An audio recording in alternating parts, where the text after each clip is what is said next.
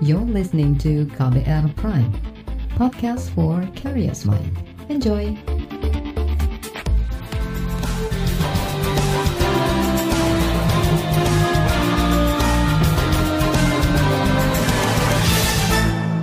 Halo selamat sore saudara, senang sekali saya Reski Mesanto hadir kembali di KBR Sore. Hari ini Jumat 12 Maret 2021.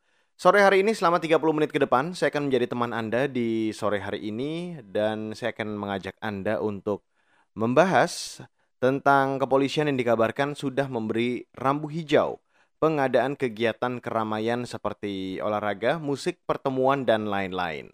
Apa pertimbangan aparat dalam memberikan izin keramaian di masa pandemi COVID-19 seperti saat ini? Bagaimana mencegah tidak terjadinya penularan virus corona di acara kegiatan seperti itu? Saudara Kementerian Pariwisata dan Ekonomi Kreatif mengklaim mendapat izin dari kepolisian untuk menggelar kegiatan seperti olahraga, musik, pertemuan, pameran, dan lain-lain. Menteri Pariwisata dan Ekonomi Kreatif Sandiaga Uno mengatakan, event-event tersebut hanya bisa dijalankan setelah memenuhi standar protokol kesehatan berbasis kebersihan, kesehatan, keamanan, dan kelestarian lingkungan atau CHSE. Berikut penjelasannya. Mari kita mulai kebangkitan pariwisata dan ekonomi kreatif. Saya dan Mbak Wamen ini didatangi terus oleh para asosiasi maupun masyarakat secara luas. Kapan kita bisa kick off? Dan kami sendiri akan kick off kalender event kami bulan April. Berarti sebelum ini kita ingin matur dulu ke Pak Kapolri uh, agar juga memberikan sambutan dan arahan kepada kami bagaimana mudah-mudahan langkah kita tentunya dengan menerapkan aspek kesehatan dan keselamatan, panduan protokol kesehatan yang ketat dan disiplin yang akan menjadi syarat atau poin yang akan dinilai oleh kami di sini di Kemenparekraf tentunya dipandu juga oleh Bapak Kapolri dan jajarannya. Jadi memang ini kita berpacu dengan uh, penanggulangan COVID-19, tapi kita harus menyiapkan bahwa teman-teman harus bisa bergerak dalam sandbox ini. Jadi kalau ditanya clear cut regulationnya pasti akan sangat sulit karena ini bergerak terus. Sementara Markas Besar Kepolisian memastikan saat ini belum ada aturan resmi terkait penyelenggaraan konser musik hingga pekan olahraga di masa pandemi COVID-19. Juru bicara Mabes Polri, Rusdi Hartono mengatakan, kepolisian terlebih dahulu akan duduk bersama dengan Satgas COVID-19 untuk membahas format kegiatan yang tepat. Sehingga ketika izin diterbitkan, kegiatan konser, pertandingan olahraga, dan lain-lain tidak menimbulkan klaster COVID-19. Berikut pernyataan juru bicara Mabes Polri, Rusdi Hartono, melalui keterangan suara kepada KBR hari ini. Polri sangat mendukung perkembangan olahraga dan seni di tanah air. Tapi pada sisi lain, Polri terus dan tetap mencermati pandemik COVID-19 yang masih berlangsung. Karena Polri memahami bahwa keselamatan rakyat adalah hukum tertinggi, solus populi supreme esto, dan mengenai perizinan, tentunya ini tidak hanya menjadi urusan Polri semata, karena dalam perizinan ada keterlibatan instansi yang lain di dalamnya, seperti Satgas COVID-19. Oleh karena itu, Polri memandang perlu duduk bersama untuk membuat format yang tepat bagaimana kegiatan olahraga dan seni dapat berjalan, tetapi pada sisi lain tidak menjadi klaster baru dalam transmisi penyebaran COVID-19 di tanah air. Itu tadi juru bicara Mabes Polri, Rusdi Hartono. Sebelumnya, Kapolri Listio Sigit Prabowo menyatakan kepolisian akan mendukung langkah-langkah yang dilakukan Kementerian Pariwisata dan Ekonomi Kreatif guna membangkitkan iklim pariwisata dan iklim ekonomi kreatif sehingga bisa kembali bangkit di masa pandemi COVID-19. Saudara, selanjutnya akan kami hadirkan laporan khas KBR mengenai pengusaha minta kejelasan wacana pembukaan event. Selengkapnya, sesaat lagi, tetaplah di KBR Sore. You're listening to KBR Pride, podcast for curious mind. Enjoy!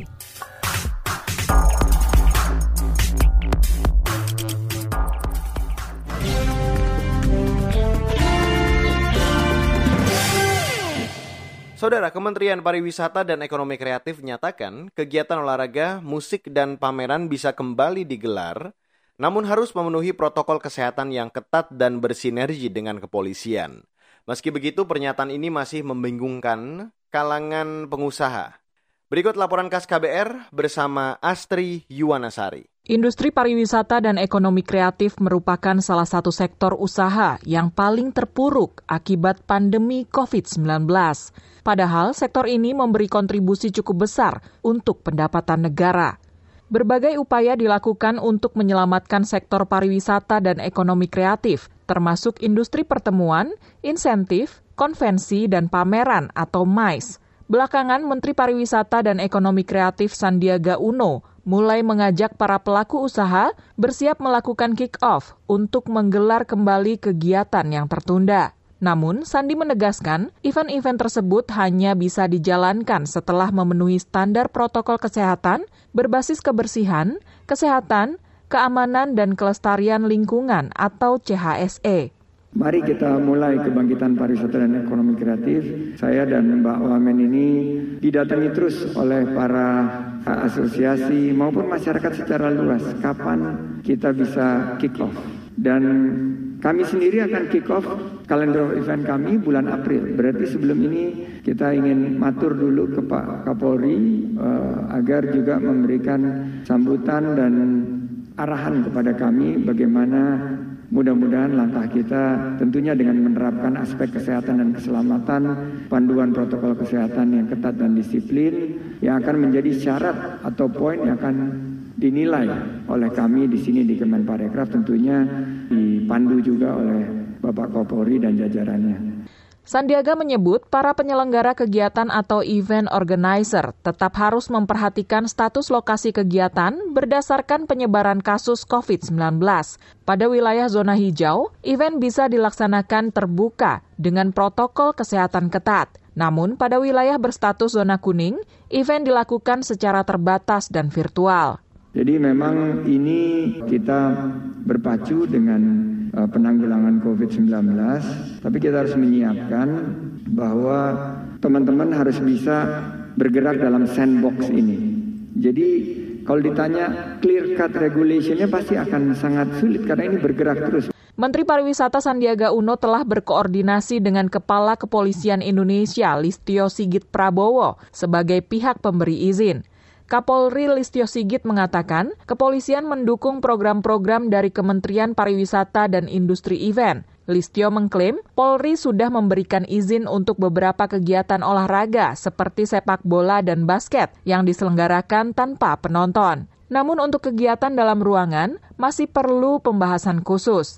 Namun kami juga menyadari bahwa untuk kegiatan yang bersifat event tentunya perlu ada kunjungan. Namun demikian tentunya uh, ke depan uh, setelah ini kita perlu ada uh, rapat khusus sehingga kemudian berapa jumlah pengunjung yang bisa hadir di suatu ruangan tertentu, kemudian bagaimana upaya untuk menerapkan uh, 3M dengan baik sehingga kemudian uh, pengunjung yang datang kita yakin dalam posisi yang sehat. Ketua Asosiasi Perusahaan Pameran Indonesia Asperapi, Hosea Andreas Rungkat menyebut, pemerintah belum secara tegas membolehkan kembali aktivitas industri event, terutama event indoor. Andre meminta pemerintah membuat keputusan konkret terkait pelaksanaan event indoor. Ya kalau saya buat saya kan belum ada jawaban yang straight to the point bahwa benar-benar dibuka makanya saya bingung ya setelah meeting itu kan beredar bahwa sudah dibuka. Sementara kami-kami yang saat itu di situ ini kan baru terwacana ya belum ada keputusan yang konkret. Dan saya juga melihatnya penekanannya lebih kepada yang namanya outdoor gitu loh. Kalau indoor pun diarahkan ke hybrid ya Andre mengatakan, sistem zonasi yang menjadi syarat penyelenggaraan event juga menyusahkan pengusaha. Ia menyebut kerugian industri event di tahun lalu mencapai 40 triliun rupiah karena semua kegiatan harus ditunda, bahkan dibatalkan. Ia mengusulkan ada klasifikasi event berdasarkan risiko, sehingga pengusaha bisa menyesuaikan. Nah, jadi kan kita bisa paling tidak ada kata bahwa event boleh jalan, tapi dengan klasifikasi itu. Nah, saya lebih cenderungnya gini, kalau memang mau di zoning, dalam artian, oh kalau lagi zona merah, event boleh berjalan dengan skala kecil misalnya. Kalau misalnya kuning ya atau apa, mungkin sedang. Kalau hijau, mungkin bisa yang yang apa uh, high risk event gitu loh. Nah saya lebih cenderung begitu. Jadi nggak ada bilang event ini nggak boleh jalan nih nggak boleh jalan ya. Kalau kalau begitu ya susah dong kasihan industri. Tapi kalau dibikin klasifikasi kita bisa menyesuaikan. Oh ya sudah deh pamerannya kecil dulu aja deh karena kondisinya lagi begini gitu. Demikian laporan khas KBR. Saya Astri Yuwanasari. Selanjutnya, saudara, kami kumpulkan tanggapan pekerja seni dan komunitas pariwisata mengenai akan dibukanya kembali kegiatan yang mengundang kerumunan orang seperti event musik dan olahraga. Selengkapnya sesaat lagi, tetaplah di KBR sore. You're listening to KBR Pride, podcast for curious mind. Enjoy!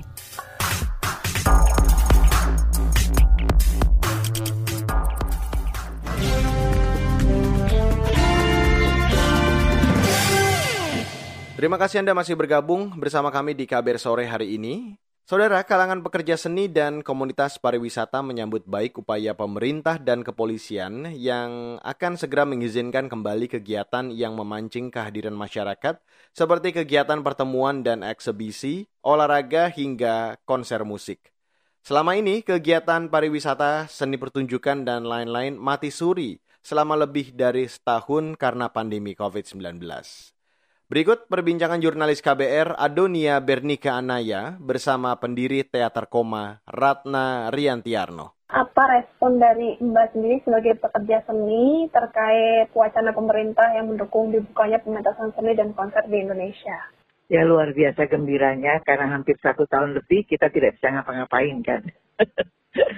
terutama kami ya, terutama saya pekerja teater yang memang selalu harus manggung ya, live performance jadi dengan keputusan waktu itu, dengan pandemi itu, eh, kalau ini memang akan diizinkan, tapi memang uh, nggak begitu mudah untuk menarik orang-orang ya untuk datang lagi ke sebuah gedung pertunjukan ya. Karena memang walaupun banyak aturannya, tapi memang juga ada juga kan yang tetap takut dan khawatir ya soalnya gitu. Jadi memang buat orang-orang dunia seni pertunjukan ataupun budayawan ini memang ada suatu langkah kemajuan, tapi tentunya belum bisa kembali normal semuanya. Jadi memang sebetulnya baik pemerintah harus ataupun swasta harus tetap membantu para pekerja seni ini untuk supaya karena seperti teater koma kan hidup dari penjualan tiket. Apakah ada komunikasi dari pemerintah untuk pekerja seni atau komunitasnya Mbak sejauh ini? Saya nggak tahu ya, saya sih merasa belum ada ya. Tapi bukannya tidak ada, ada dulu waktu ada paket sembako buat seniman. Tetapi yang secara langsung saya rasakan sih saya belum merasa ada kontak apa-apa. Tapi kan mungkin saja ada kelompok-kelompok lain yang sudah, kalau kita lihat ya, Jokowi menyaksikan itu yang suntikan massal di tempatnya Pak tempatnya Pak Butet ya, tempatnya Pak Bagong Sugiarjo itu seniman budayawan waktu divaksin gitu ya. Dia ada perhatian juga. Tetapi sebetulnya dalam hal ini kalau Departemen Pendidikan dan Kebudayaan tuh yang harus mentoleransi kira-kira kalau ini sudah uh, bergerak tetap aja para pekerja seni ini masih harus dibantu gitu. Ya apakah itu ada subsidi sedikit buat mereka bisa mulai bergerak karena cukup lama ya kemarin ya kita coba dengan online segala macam tetapi kan secara penghasilan dan apa juga berbeda jauh gitu ya. Baik, Mbak. Itu tadi pendiri Teater Koma Ratna Riantiarno. Respon positif juga muncul dari para pengusaha hotel dan restoran. Berikut pernyataan Wakil Ketua Umum Perhimpunan Pengusaha Hotel dan Restoran Indonesia, Maulana Yusran. Ya, tentu kita menyambut baik ya, karena masalahnya kan sekarang ini kita dibatasi. Jadi sehingga untuk menggerakkan uh, demand-nya juga jadi rumit gitu loh. Karena kegiatan itu dibatasi. Nah sekarang karena sudah ada kemarin perjanjian antara Kemenpan dan Polri, ya kita berharap semoga ya perjanjian itu bisa dimanfaatkan betul gitu loh. Itu. Karena itu kan semua kegiatannya itu kan yang kita butuhkan ya untuk menggerakkan sektor pariwisata. kalau masalah protokol kesehatan kita kan sudah melaksanakannya dari bulan dari tahun lalu mbak dari bulan Maret kita sudah punya SOP itu gitu loh dan di dalam penyelenggaraan di dalam uh, melakukan kegiatan seperti MICE seperti itu ya tentu kita nanti para penyelenggara itu juga kita wajibkan mereka menerapkan protokol kesehatan karena di kami di properti kan kami sudah punya prokesnya untuk itu. Nah begitu mereka melakukan kegiatan, mereka pada saat mereka deal dengan kita untuk menggunakan fasilitas kita, tentu nanti uh, apa mereka harus menyesuaikan prokes yang kita wajibkan. Karena di setiap properti kan prokesnya macam-macam, mbak. Ada yang standarnya tinggi, ada yang standarnya normal kan gitu, macam-macam. Nah, mereka harus bisa ngikutin itu. Dan bagaimana antisipasi dari PHRI mengatasi klaster COVID-19 dari industri pariwisata? Ya, supaya nggak ada klaster baru, tentu penerapan protokol kesehatan yang uh, ini ya, yang yang benar-benar uh, masif ya dilakukan itu itu salah satu uh, langkah untuk menanggulangi penyebaran virus di, di di apa di hotel dan restoran kan itu. Jadi protokol kesehatan menjadi penting gitu dan itu yang kami selalu lakukan dan kami terapkan uh, saat ini. Itu tadi Wakil Ketua Umum PHRI Maulana Yusran. Sementara itu Satuan Tugas Penanganan COVID-19 memberi sejumlah syarat jika Kementerian Pariwisata dan Ekonomi Kreatif ingin kembali menyelenggarakan kegiatan seperti kegiatan pertemuan dan eksebisi, olahraga hingga konser musik. Salah satu tahapan awalnya adalah persiapan prakondisi meliputi kesiapan pelayanan kesehatan hingga koordinasi antara pemerintah pusat dan daerah Berikut pernyataan juru bicara Satgas COVID-19, Wiku Adhisa Smito. Kita lihat dari uh, industri kesenian, hiburan, rekreasi, penyediaan akomodasi, dan makan minum, ini kita lihat sebagai peta risiko penularannya relatif tinggi karena untuk kontak dan, dan dekat. Tetapi kita juga lihat dampak ekonominya juga tinggi. Maka dari itu letaknya di kanan bawah. Maka dari itu kalau kita mau membuka aktivitas-aktivitas dengan risiko tinggi dan dampak tinggi ini tentunya perlu penyiapan yang kuat dan pasti. Kita sudah lebih dari satu tahun, harusnya kita mampu untuk uh, mengakomodasi kondisinya ini karena semua masyarakatnya juga sudah belajar, tata kelola pemerintahannya juga sudah belajar, dan kalau kita lihat next slides, sebenarnya yang kita atur terutama itu adalah 11 sektor esensial, di mana 11 sektor esensial ini tidak termasuk tadi maka dari itu kita pastikan dulu yang sebelah sektor esensial ini kita bisa berjalan dengan baik agar uh, apa kehidupan masyarakatnya bisa berjalan. Nah, uh, faktor ekonomi selain sebelah sektor esensial ini tentunya tadi uh, apa tempat hiburan, uh, makanan, mais dan lain-lain. Dan untuk itu uh, next slides saya ingin menyampaikan tentang adaptasi kebiasaan baru. Yang ingin kita capai sebenarnya adalah masyarakat produktif dan aman COVID Jangan sampai hanya produktif tapi tidak aman atau aman tapi tidak produktif sama sekali. Nah, untuk itu ada tahapannya. Itu tadi juru bicara Satgas COVID-19 Wiku Adi Sasmito. Dan di bagian akhir, ahli epidemiologi bersuara mengenai pemberian izin dibukanya kembali kegiatan pariwisata atau event dalam ruangan maupun luar ruangan. Selengkapnya sesaat lagi tetaplah di KBR sore. You're listening to KBR Pride, podcast for curious mind. Enjoy!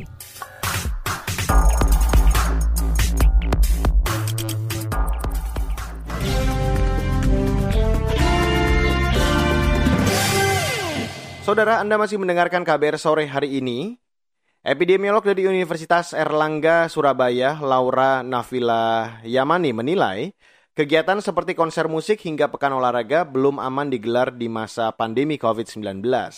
Alasannya, kasus harian COVID-19 di Indonesia masih menunjukkan angka yang tinggi, sehingga jika dipaksakan, dikhawatirkan akan memicu penyebaran virus.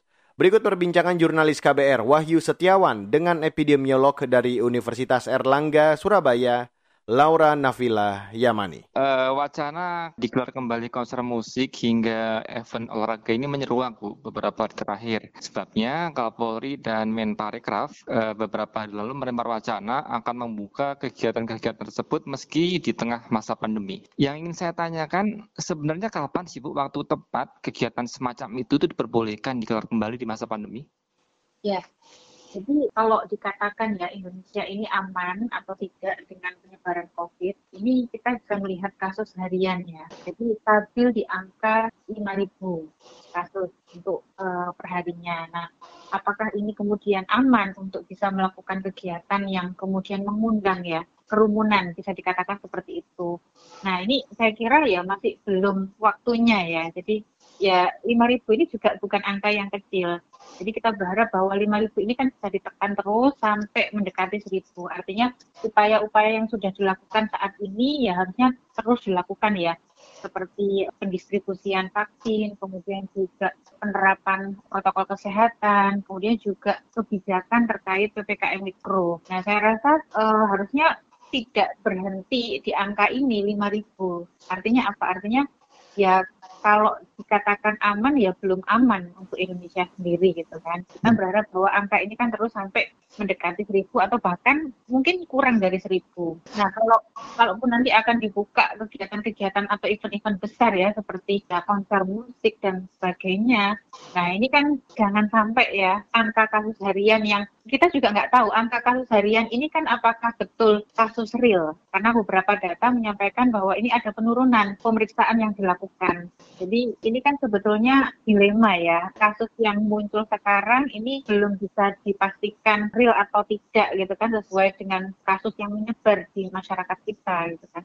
Apalagi ini kemudian ada wacana kemungkinan ya event-event besar atau konser musik ini dilakukan gitu. Yang dikhawatirkan ya ini kan kita masih membenahi merapikan data, kemudian juga melaksanakan vaksinasi. Ya, kita mendukunglah proses pengendalian penanganan COVID yang sekarang. Jadi kalau bisa ditahan ya, artinya gini, ditahan itu ya kan konser musik ini juga bisa dilakukan secara online. Kalau bisa ke arah sana ya saya rasa lebih baik memang kalau dilakukan online dulu sampai betul-betul kondisi di Indonesia ini kan bisa dikatakan aman konser musik offline. Saya katakan offline, artinya tatap muka yeah. itu uh, dalam kondisi sekarang berdasarkan yang tadi Bu Laura sampaikan belum bisa ya Bu ya digelar ya? Ya karena kita nggak tahu konsep dari pergelaran dari konser musik yang offline itu seperti apa. Jangan-jangan ini mendatangkan banyak orang ya di suatu tempat. Tapi kalau dibuat hybrid misalkan ada yang datang tapi dibatasi, tentunya juga didukung oleh protokol kesehatan. Kemudian yang lain bisa menikmati ya konser musik itu secara online. Artinya ini kan meminimalisir adanya kerumunan yang mungkin terjadi ketika konser itu diadakan. Itu pun juga berlaku untuk pekan olahraga ya, artinya misalkan katakanlah sepak bola diperbolehkan asalkan tanpa penonton, begitu misalnya. Ya, jadi bisa dikatakan hybrid tadi. Ini kan walaupun ya apa mungkin uh, ruangannya besar ya, areanya luas, tapi kan ya tetap harus ada pembatasan, harus ada prokes. Okay. Jadi nggak bisa serta merta mendatangkan banyak orang di situ. Nah, mendatangkan banyak orang pun apakah dijamin ya uh, protokol kesehatan itu betul-betul dijalankan? Selain itu, gimana sih Bu seharusnya pengawasannya? Apakah tadi yang Bu Laura sebutkan 3T harus ada semacam tes berkala gitu? Oh iya tentu, tentu ya. Artinya gini, apa namanya dipastikan apakah kan bisa dilakukan juga secara random ya. Artinya kalau secara random kemudian ditemukan, nah ini kan berarti uh, ada PR besar nantinya melakukan tracing ke uh, orang-orang yang memang berkumpul pada kegiatan itu. Nah ini yang yang harus dilakukan. Jadi bukan hanya melihat protokol kesehatan yang seperti 5M atau 3M ya yang dijalankan oleh orang-orang yang datang di kegiatan itu, tapi juga uh, tentang protokol kesehatan yang 3T ini untuk menemukan kasus. Karena karena kan ini juga mendatangkan dari banyak daerah ya, jadi tidak satu lokasi, tidak mungkin satu lokasi. Nah ini yang dikhawatirkan uh, nantinya misalkan lokasi yang orang itu datang itu tidak ada penyebaran. Tapi setelah ada kegiatan itu, kita kan tidak bisa menjamin ya, kita tidak bisa pastikan bahwa tidak ada penyebaran. Kemudian mereka kembali. Uh, wacana ini didengungkan ketika momentumnya bertepatan atau pas dengan program vaksinasi. Artinya terlepas dari sudah divaksin pun harusnya ini juga harus dipertimbangkan matang-matang ya Bu. Nah, untuk mensukseskan ya apa namanya hasil dari program vaksinasi ini kan tentunya uh, kita melihat kondisi penyebaran itu harus bisa ditekan. Jadi kalau pada kondisi yang uh, kasus tinggi ini justru akan uh, mengurangi uh, apa keberhasilan dari vaksin. Tuh. Nah, saya rasa ya paling tidak dalam tahun inilah apa kita melihat gimana sih kasusnya sampai kalau bisa memang betul-betul ditekan sampai bisa mendekati seribu sehingga bisa dikatakan aman baru melakukan aktivitas besar lainnya. Itu tadi epidemiolog dari Universitas Erlangga Surabaya, Jawa Timur, Laura Navila Yamani. Dan saudara wawancara tadi mengakhiri kabar sore untuk hari ini, Jumat 12 Maret 2021. Jangan lupa untuk selalu memantau informasi terbaru di kabar baru setiap jamnya. Situs kbr.id, Twitter kami di account at berita KBR, serta untuk Anda yang tertinggal siaran KBR sore maupun bulletin pagi hari ini, Anda kembali bisa mendengarkannya di kbrprime.id. Jangan lupa untuk selalu mematuhi dan menerapkan protokol kesehatan di mana pun Anda berada. Akhirnya saya Reski Mesanto mewakili tim redaksi yang bertugas sore hari ini. Kami undur diri. Salam.